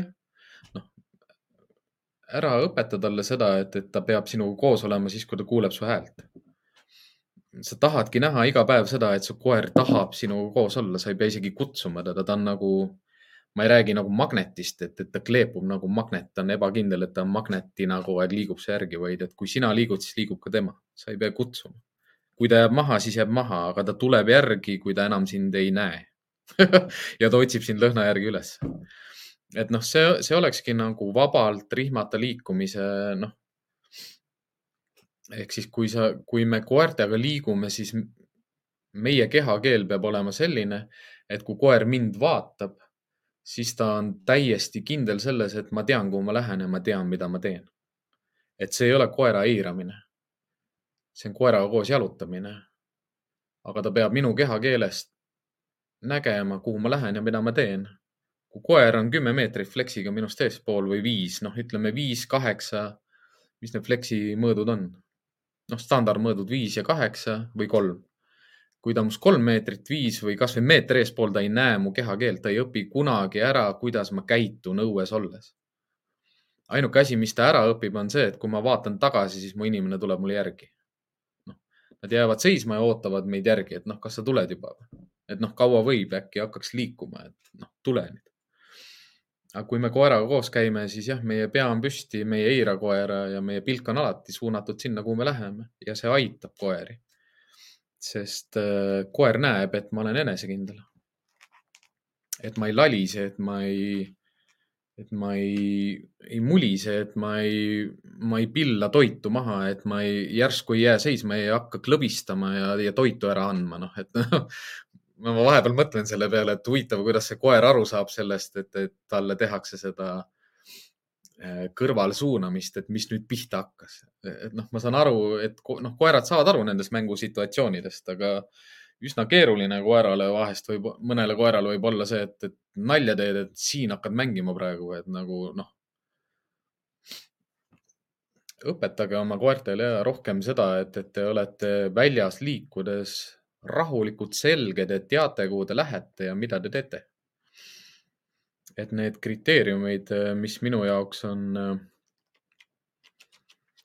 sellised, et ma tean, et ma võin selle koera lahti lasta, ongi see, et kui ma jalutuskäigul näen, et ta jälgib mu kehakeelt ja ta peab nendest piiridest kinni. nii raske nagu ära tõestada seda, et, et kõik koerad teavad, kus nad peavad käima äh, karjajuhi kõrval või taga, kus see positsioon on, et noh, see tuleb nii kiiresti, see tuleb iseenesest, see ei ole õpetatud käitumine, see on naturaalne käitumine. et kui, kui koer teab, kus ta koht on, siis noh, mul olid kaks Belgia lambakoera, nad jooksevad sinust hästi kiiresti mööda, kuna nad ei taju sügavust või kaugust, aga nad tulevad alati oma õige koha peale tagasi. vahest nad ei, ei pea alati koera peale pahaseks saama, kui nad lähevad teist ettepoole niimoodi rütmiliselt käies. vahest nad lihtsalt lähevad oma sellesse vibe'i nagunii sisse, et nad ongi nagu rütmis ja potsatavad teist mööda, siis sa saadki rihmaga kasvõi meelde tuletada või häälega, noh, ütleme, et on ju, et kuule, äratus, ma olen ka siin. et ära unusta ennast ära, sest kui sa ennast ära unustad, siis võib juhtuda asju, mida sa ei pane tähele et see on kõik ju koostöö, see on koeraga koos töötamine, see ei ole koera allutamine. see koer järgneb ju inimesele, keda ta austab ja usaldab, mitte inimesele, keda nojah no, kui me läheme jälle sinna karistuse ja kartuse juurde, siis jah, nad käivad selliste inimeste järel ka, kes, kes karistavad neid, kui nad lähevad ära, aga seda see balanss tulebki ju sealt leida sellest, et äh, kas ma, kas ma tõmban niimoodi või ma tõmban niimoodi. kas ma tõmban niimoodi või ma tõmban niimoodi, see on karistus, see on juhtimine. seal on vahe sees, kas sa lööd või paitad osade koerte puhul on isegi paitamine too much nagu. et noh, kriteerium, noh, aitab alati see, kui koer on õppinud ära, et kuidas sa liigud, kuidas sa vaatad, kuhu sa lähed, et noh, mida mina koeri vabaks lastes teen hästi palju, ongi see, et, et äh, ma ei liigu kunagi nende järel, ma vahetan alati suunda, kui ta läheb must ettepoole ja lõpuks ma lihtsalt nagu tõmban nad niimoodi lähemale endale sellega. et nad varsti ei jo jookse must enam mööda, sest et nad peavad aru saama sellest, et me ei jookse õues sihitult ringi, vaid me liigume mingi kindla eesmärgi suunas iga kord. noh, teine kriteerium on, noh, see algab sellest, et ma õpetan niikuinii koerad enda järgi käima või enda kõrval käima. kui ma nad vabaks lasen, siis ma ei käi kunagi nende järgi. ükski ükski koer ei ole mulle tõestanud äh, kolmeteist aasta jooksul seda, et nad on minust targemad, intellektuaalsemad, ratsionaalsemad, noh, kindlasti mitte ratsionaalsemad ja paremad ees, ees kaitsma, juhtima ja juhendama ja otsustama. on, on väga häid koeri, on väga see ongi noh, niimoodi, ega kõikidel koertel ei, ei ole puudu ilmtingimata mingid sellised osad nagu oskused või teadmised. osad koerad on teiste koertega väga head, osad koerad on inimestega väga viisakad. osad koerad, aga noh, ütleme, et ta on inimeste koertega viisakas, aga ta ei oska autodega käituda, millegipärast nagu jalutab nendele ette kogu aeg, ta ei pane neid tähele noh, et igal koeral on, on hästi palju, võib-olla nagu tohutu plejaad häid omadusi ja külgi ja paistab välja nagu, et ta on kõige targem koer maailmas, aga tal on, tal on, kui käitumisspetsialist teda vaataks, siis ta näeb nagu seitset asja, mis tal ei ole hästi. et noh, Katrin Kaasik laksuga, mul tuleb meelde Miia ja Miia, Miia retriiverina on nagu superkoer. aga talle ei sobi üldse nagu õue sees käimine, sest ta hakkab koguma infot isaste, minu, minu hinnangul isaste koerte kohta. isaste koerte kohta, kes on selles piirkonnas liikunud. ja ta hakkab muretsema ja ta läheb stressi ja seda on nii halb, seda on nagu kõrvalt nii raske vaadata. noh, palju lihtsam on talle anda märku, et kuule, lõpeta see otsimine, muretsemine, kaitsmine, juhendamine, juhtimine ära, tule minu juurde, ole minuga koos ja ma, ma ise check in kõik need asjad ära, et ära muretse. ja noh, see, see on küll selline asi, mida sa tahaksid nagu, nagu filmi peale saada, et, et milline on Miia vabalt ees liikudes ja milline on Miia lõdvalt kõrval või taga liikudes jah, selliseid kogemusi on elust palju. mis on oluline vabaduse andmise puhul, on alati see, et, et kas koer tuleb kutsumise peale juurde. Ja see kutsumise peale juurde tulek ei saa olla niisugune laisk ja aeglane. Või et viiskümmend, viiskümmend või vahest tuleb ja vahest ei tule, siis kui mul vorsti on, siis tuleb, siis kui mul vorsti ei ole, siis ei tule, kui mul mänguasja näitan, siis tuleb, kui mul mänguasja pole, siis ei tule. kui mul oks on käes, siis tuleb, kui mul oksa pole, siis ei tule, et, et kui te ei, kui te ei ole kindlad, et teie koer tuleb kutsumise peale sada protsenti juurde, siis te ei saa teda lahti lasta. on niisugune lihtne talupoja reegel ja kolmas asi on see, et peab olema mingi keeld, mis lõpetab ära tema käitumise. eks esimene asi peab olema see, et ta ei ole rihmas, et ta ei pea rihmas, et ta käib teie kõrval, ta käib teiega koos ja ta jälgib teid. Teine, teine asi see, et tal on käsklus või häälitsus, mis, mille peale ta tuleb kohe teie juurde, kui ta, kui ta on vaba. ja kolmas peab olema ei ehk siis noh, ongi fui, ei, lõpeta, aitab, noh, mis iganes, kas see on sõna, heli, mina pigem kasutan emotsioonivabasid helisid, et see oleks koerale lihtsalt ja selgelt arusaadav. Palju lihtsam õpetada ka. plakk, plaks, nips. Mm, noh, mille peale koer nagu reageerib tugevalt ja selgelt, mis ongi hästi huvitav see, et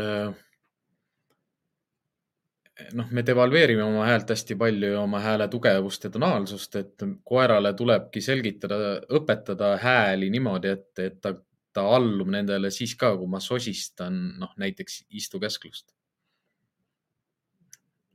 Ehk siis, ehk see, siuksed head käsklused, mida ma saan keelamiseks või juhtimiseks kasutada, ongi sellised, mida ma saan kasutada selleks, et ta saab sõnast aru, mitte ta ei saa toonist aru.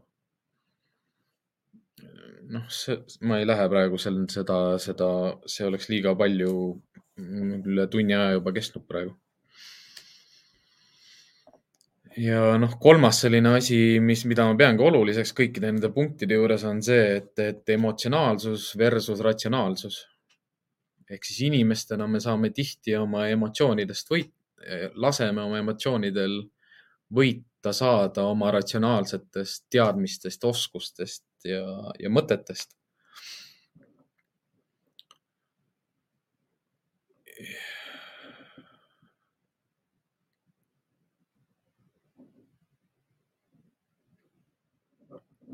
Jah, koera ei saa lahti lasta, kui ta ei tea, mida tähendab jah, mingi hääl, mis tähendab, et ta peab tulema kohe sinu juurde, kui ta seda häält kuuleb noh, minu, minu poolest võib see olla ka see, et, et koer tuleb kohe sinu juurde, kui sa muudad suunda. kui ta näeb su kehakeelest, et sa muudad suunda. minu jaoks on see ka üsna tugev juba signaal, millega ma saan koera enda lähedal hoida. Noh, ongi sellised koerad, kes muidu sa võtad suuna, ta paneb padavai kohe selles suunas liikuma, noh, eriti kui on metsarajad, on ju, paneb pikki selle rada minema, keerad ringi või keerad vasakule, et kui sa näed, et ta noh, ütleme, et see mõistlik aeg olekski paar sekundit või sekund, et ta märkab, et sa muutsid suunda ja ta tuleb kohe, noh, see on juba hästi hea, et ta püsib ikkagi nagu noh, ta tahab sind aidata, sest ta avab sinu ees, sinu ees nagu tundmatut ala. Aga ta ei pea seda tegema. koeral on palju lihtsam vabalt liikuda, kui ta kogu aeg ei ava sinu ees nagu tundmatut ala. noh, see on hea märk sellest, et, et ta juba järgib su kehakeelt aga sellest ka ei pruugi alati abi olla. noh, küsimus ongi selles, et koerad ei taju sügavust ja kaugust ja distantsi, neil ei ole selliseid noh, mõõtühikuid nagu inimestel on, et ta on umbes kümne meetri kaugusel minust praegu. jah, fleksi pikkuse me suudame neile väga kergesti selgeks õpetada, aga see on ka lihtne, see ei ole nii suur distants. mida, mida me koeri treenides tihtipeale jälgime, jälgisime, oligi see, et kui meil on sellised harjutused, kus me otsime pikas koridoris inimesi ja noh, meie teame, et inimene põgenes kuuendasse tuppa, noh ja ma näen ka inimesena nagu seda sügavust, et noh, see sealt uksest läks sisse. koerad panevad sirge seljaga sealt mööda. isegi kui nad näe-, isegi kui nad noh, ta ei olegi seal koridoris mitte midagi muud teinud, kui ta on olnud keset koridori istunud või lamanud ja vaadanud, kuidas see inimene läheb sinna ruumi sisse, sa lased koera lahti, see koer jookseb sirge seljaga sealt mööda sest silmaga ta ei hinda seda, kus, kus inimene on. Ja kui noh, mida me selle harjutusega õpetamegi, me õpetame koeri nina kasutama, et usaldama nina, mitte oma silmi. et me teeme, tenniskoertel tehakse palju selliseid harjutusi, kus ta, kus ta sil-, kus ta kõrvade ja silmadega paneks nagu postist mööda, aga kui ta, kui ta, kui ta stardib sinna harjutusse niimoodi, et hakkab kohe nina kasutama ehk siis ta teab, et ta ei saa preemiat, kui ta silmadega ajab asju taga. noh, see ongi see nina, nina informatsiooni kvaliteet, mis koerad saavad. kui, kui see on ohtlik kurjategija, ta jookseb sellest toast mööda ja ta ei saa seda inimese lõhna, noh, ta ei otsigi üldse inimese lõhna, siis ta veab mind lihtsalt läbi maja. aga mul on vaja ju ellu jääda ja meeskonnal on vaja ellu jääda, ta ei saa minna lõhnadest mööda tenniskoer peab ninaga töötama, ta ei saa silmadega töötada, sest koer ja koer, koerad ei taju sügavust ja kaugust. ta ei saa niimoodi, et ahaa, ta läks neljandasse tuppa, ma lähen järgi. et me õpetame koeri nina kasutama, sest noh, nende silmavaade on noh, nagu nii, nii elvas, kui vähegi saab olla, kui me räägime distantsist ja sügavusest ja kaugusest aga loomulikult nad, nad jälgivad meid silmadega, et kui me, nad jälgivad me väga palju meie miimikat, meie kehakeelt, kõike, aga lähedalt. ütleme, distantsilt on neil üsna raske. noh, paljudel inimestel peaks see kogemus olemas olema, et kas pimedas või ka kaugelt koer veel ei tunne inimest ära. aga ta hakkab inimest ära tundma siis, kui noh, see distants on käes, kus ah, nüüd ma juba sain aru, et see oled sina aga nad saavad aru ju kehakeele järgi, mitte seal või noh, teine variant on jah, kui, kui tuul on selja tagant, siis nad saavad lõhna järgi aru. aga noh, saate jälgida selliseid asju, et kas su koer tundis lõhna või ta jälgib silmadega. noh, ma alustangi selle, selle looga nüüd, mis Wise'iga juhtus jah, et äh, Wise'iga juhtus õnnetus ja need on kõik noh, tänaste teemadega tihedalt seotud. miks ma rääkisin sellest emotsionaalsusest ja ratsionaalsusest, et äh, kivi on, kivid on lähedal. et noh, Enge küsib, et kuidas nad kivilt kivile suudavad hüpata ega nad, nad ei ole nagu noh, nii kehvad, et, et ta ei saa aru nagu noh, käe, noh, siin ei ole ju mingit sellist reeglit, et äh, pärast poolteist meetrit nad ei suuda enam äh, hinnata asjade kaugust, et äh, koerad suudavad sihtida, nad on väga täpsed ja kui on vaja, siis kui teil kunagi on võima-, noh, teil ilmselt ei ole, pimedad koerad. pime koer jookseb toas ringi ja ta ei jookse mitte millelegi otsa. Sest ta, tal on meeles, kus asjad olid ja nad ka ninaga suudavad teha endale mälupildi, et milline see välja näeb. et koertel on väga palju muid tajusid, millega nad tajuvad ka esemeid ja objekte, et kivilt kivile on lihtne hüpata, aga koer ei, ei pea hüppama nii kaugele kiv... seda olete näinud, et koer proovib kivile hüpata, aga ta ei ulata kivini. Või väiksed koerad sellised arvavad, et nad ulatavad, aga nad tegelikult ei ulata, sest koer ei tea, kui suur ta on või kui väike ta on. ta teab lihtsalt, et ta on koer ja et tal on mingid sellised võimed, noh, mingid asjad saavutatavad. et noh, ma ei, ma ei tahaks nagu Wise'i näidet tuua siia sellesse, et, et kas nad tajuvad või ei taju, aga sealt tuleb selline üks nagu suund veel sisse, et kõrges instinktis ju kaob veel vähem igasugused tajud nagu ära ja samamoodi, et kui, kui sa näiteks, sina hüppad üle, üle oja või üle, üle, üle jõe, noh, kraavi, hüppad üle kraavi. koer ei tule alati kohe järgi ja osad koerad ei tulegi mitte kunagi järgi, sest nad ei tea, kui kaugel see teine kraavi, kraav on ta enam-vähem teab, et ta ei hüppa sinna, aga ta ei tea, kas ta võib vee peale maanduda või kas vesi, noh, ega neil ei ole sellist arusaama, et see on vesi. Nad ei seleta endale vett, jääd, distantse, kaugusi, neil ei ole meetreid, neil ei ole sellist nagu kultuuriruumi nagu, kus nad elavad. et nad on palju lihtsamad, palju nagu palju vähem ratsionaalsed, palju instinktuaalsemad, palju rohkem saavad infot selle pealt, mida nad tunnevad, näevad. aga nina ei anna neile ju sügavuse taju. et noh, kui me jah, räägime nina, ninaga otsimisest, siis, siis koerad saavad aru, kui kaugel nende ninast on asjad, aga ütleme peidikute tegemisel ka on ikkagi mingid distantsid, kust koer enam nagu nagu ei suuda täpselt kaugust määrata, nad hakkavad juba niimoodi ujuma. et kui inimene näiteks on ripplae, ripplae alla peidetud, aga ta on selles ruumis, siis koer ju liigub terves selles ruumis ringi, ta, ta tunneb, et see lõhn kuskilt tuleb, aga ta ei saa sellele lõhnale nii lähedale, et öelda, et see on siin.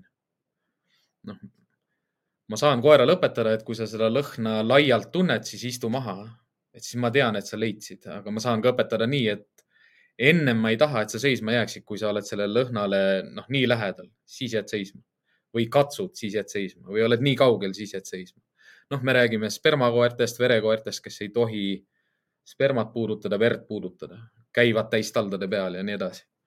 koeri saab õpetada igasuguseid asju tegema. aga koertel on piirangud ja noh, Wise'iga juhtuski õnnetus selliselt, et noh, seesama, ma läksin ökodukti peale temaga, noh, ma jalutasin temaga ilma rihmata ja, ja ma hoidsin teda enda juures sellega, et ma muutsin suunda. tema juures oli see, see aeg, millal ta minu, minu liikumist jälgib, noh nagu, nagu vahest nagu minuteid pikk aga noh, millele ma nagu toetusin, oli see, et ma ise elan nagu keset põlde, noh, suured põllud, ma näen teda alati.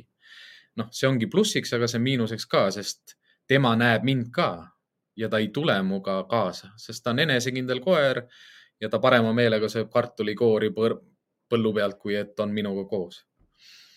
aga noh, emotsionaalselt ma tahan talle vabadust pakkuda ja ma kinnitan seda endale, et, et temaga ei juhtu midagi halba, sest siin ei liigu midagi sellist, mida, mis on minu jaoks nagu tagasipöördamatult äh, võimalik nagu pärast nagu kontrollida.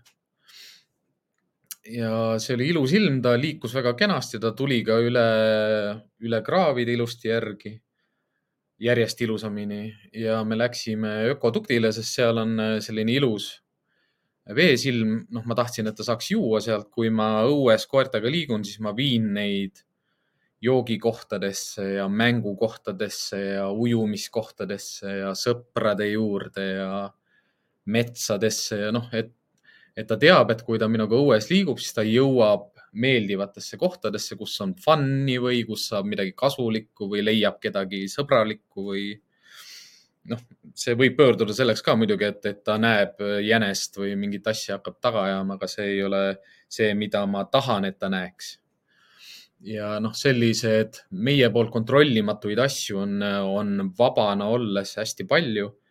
ja me peame maksimaalselt suutma nagu neid, neid, neid esemeid või asju, millele ma tean, et mu koer reaktiivne on, suutma nagu nagu välistada. noh, mida ma soovitan reeglina inimestele, kui nad alustavad äh, ilma rihmata jalutamise harjutamist, ongi alustada männimetsast. männimetsas sa näed kaugele.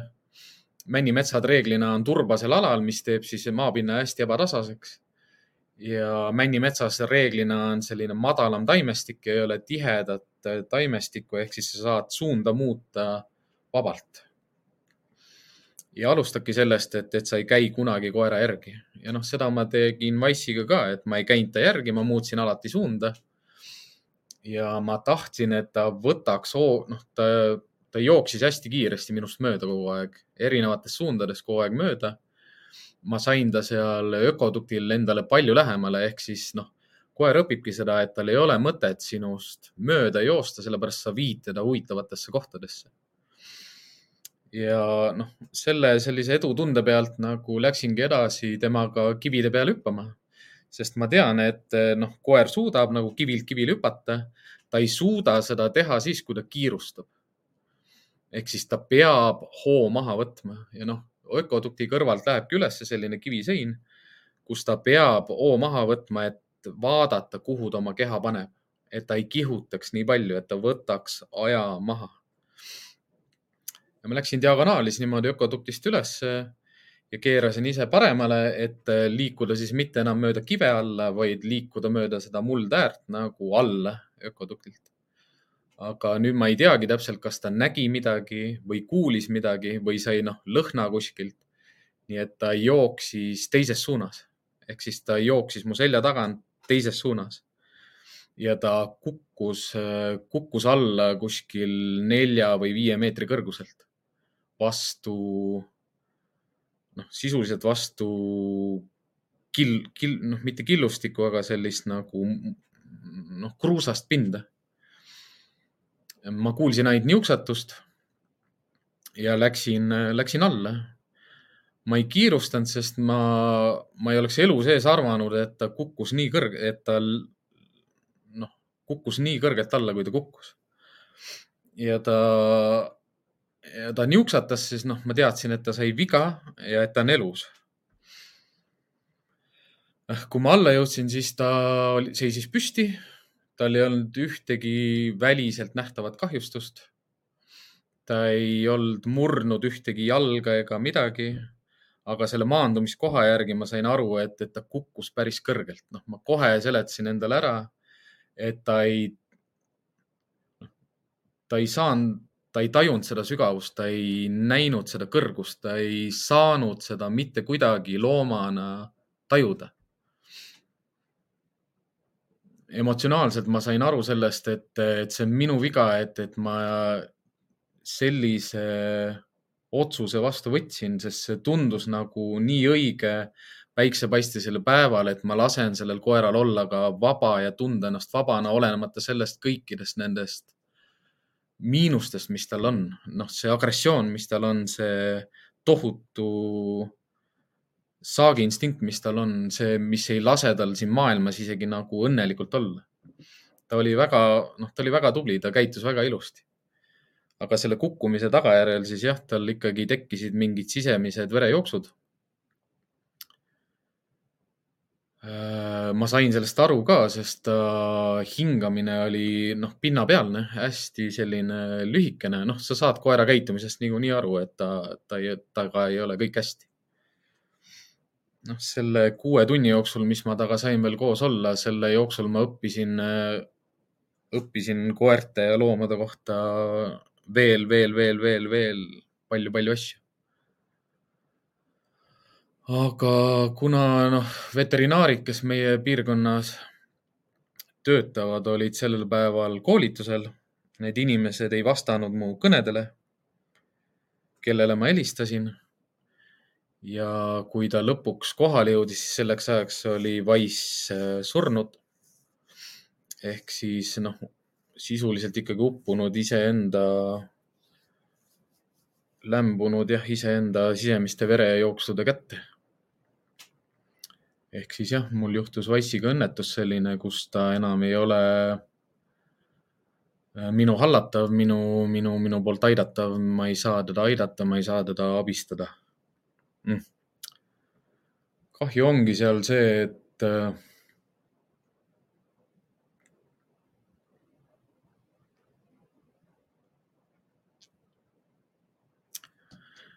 et ma ei saa Eesti ühiskonnale tõestada seda, et, et ka sellised koerad saavad paraneda.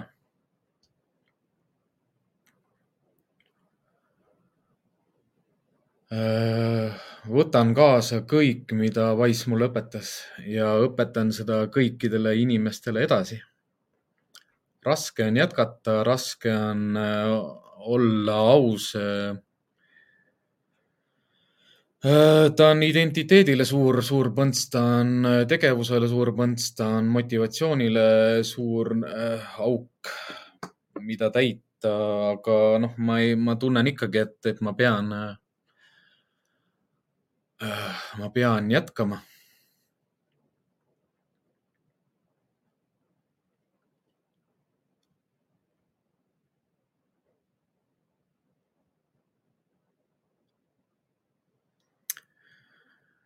ja ma tahan seda teie kõigiga jagada. sest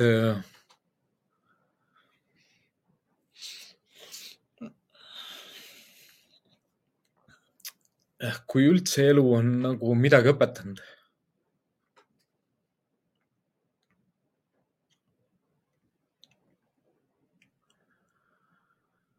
on see, et, et noh, valetamine ei vii mitte kuskile, valetamine ei aita mitte kedagi edasi, et äh, alati tõe rääkimine on see, mis viib edasi. Ja sellesama tõega, noh, ma jätkan kõike, kõike oma tegevust. et ma ei pea seda, mida ma teen nagu valeks. Ma tunnen endal seal süüd, ma saan sellest aru, et õnnetused ei ütle, et nad juhtuvad ja noh, kõige suurem õppetund ongi seal see emotsionaalsuse ja ratsionaalsuse nagu vahe, et, et, et, et kui sa tead nagu, sa tead seda kõike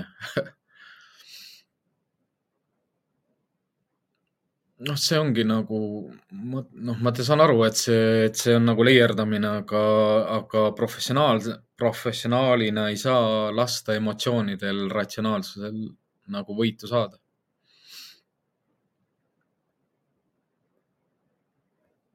tänulik kõikide õppetundide eest, mis elu on andnud ja, ja jagan seda ka teiega edaspidi.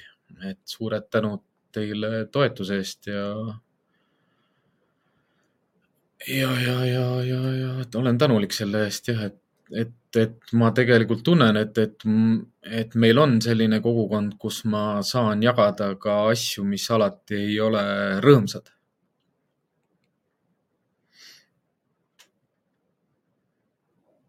Mm, ja noh, see ei tähenda, et, et, et, et, et, et nagu ei saa edasi minna asjadega ja,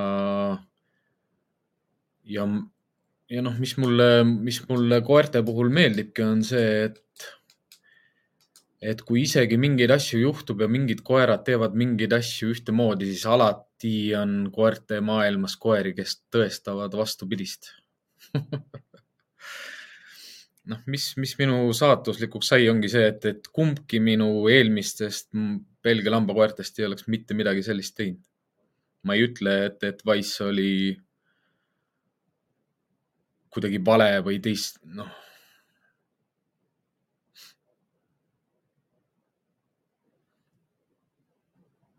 et noh, kindlasti õppetund selline jah, et, et, et kui, kui te midagi nagu teete, praktiseerite, kuulate, õpite, võtate teada või saate teada, siis tulebki arvestada sellega, et see ei tööta alati kõigiga.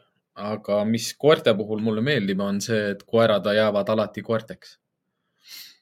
Ja sarnast viga, noh, võimatu ju, et, et, et sa, et sa kordad samast viga nagu oma tegevuse jooksul uuesti, aga noh, koerad on täpselt sama palju elusolendid kui kõik teised elusolendid.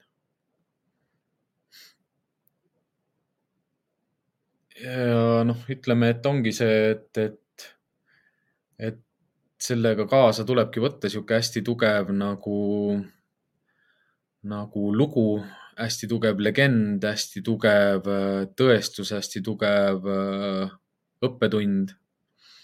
ja mitte kunagi unustada, raske unustada ka, kui ma praegu aknast välja vaatan, siis ma näen seda ökodukti. kui ma natukene siitpoolt aknast välja vaatan, siis ma näen seda kohta, kuhu ma Wise'i matsin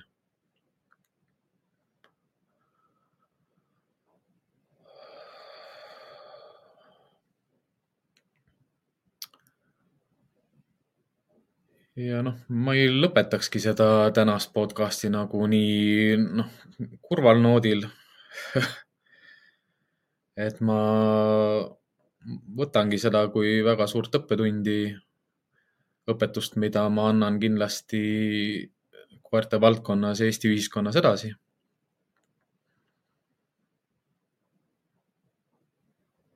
ja ei ole mitte ühtegi vanasõda ega, ega ega, ega ütlust, mis tegelikult aitaks, mind aitaks. ma, ma, ma saangi abi nendelt inimestelt, kes mu ümber, kes mu ümber on. no ma olen tänulik teie, teie kõikide, teie kõikide üle, et te olete olemas. ehk siis kohtume, kohtume järgmisel nädalal, kolmapäeval kell pool kaheksa. Äh, Karl tõenäoliselt, noh, ma ei tea, mida ma tegema pean, et ta meiega liituks lõpuks eks, äh, eks ka nagu palju, palju asju, mida me teeme praegu koertemaailmas ja millega me tegeleme ja Karl räägib kõikidest oma mõtetest ja oma kogemustest, mis noh, tal koguneb neid ainult praegu pikalt-pikalt, et ilmselt tuleb pikk osa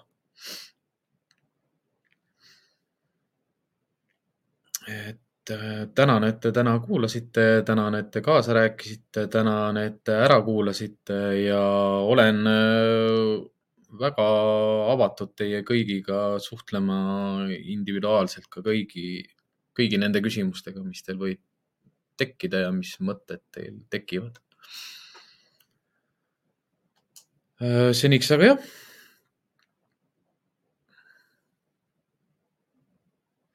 praegu ongi nagu kummaline seda lauset öelda, et teadmatus ei ole lollus. et veel, veel hullem on siis, kui sa tead, aga juhtub lollusi ja see on, see on veel rängem nagu. aga aitäh teile kõigile, kes kuulasid ja vaatasid ja kohtume järgmisel kolmapäeval. see on ka üks põhjus, miks eelmine kolmapäev vahele jäi. ja kuulmise ja nägemiseni ja kordan ikkagi jah, endiselt seda, et teadmatus ei ole lollus. head õhtut kõigile ja kohtumiseni. jah.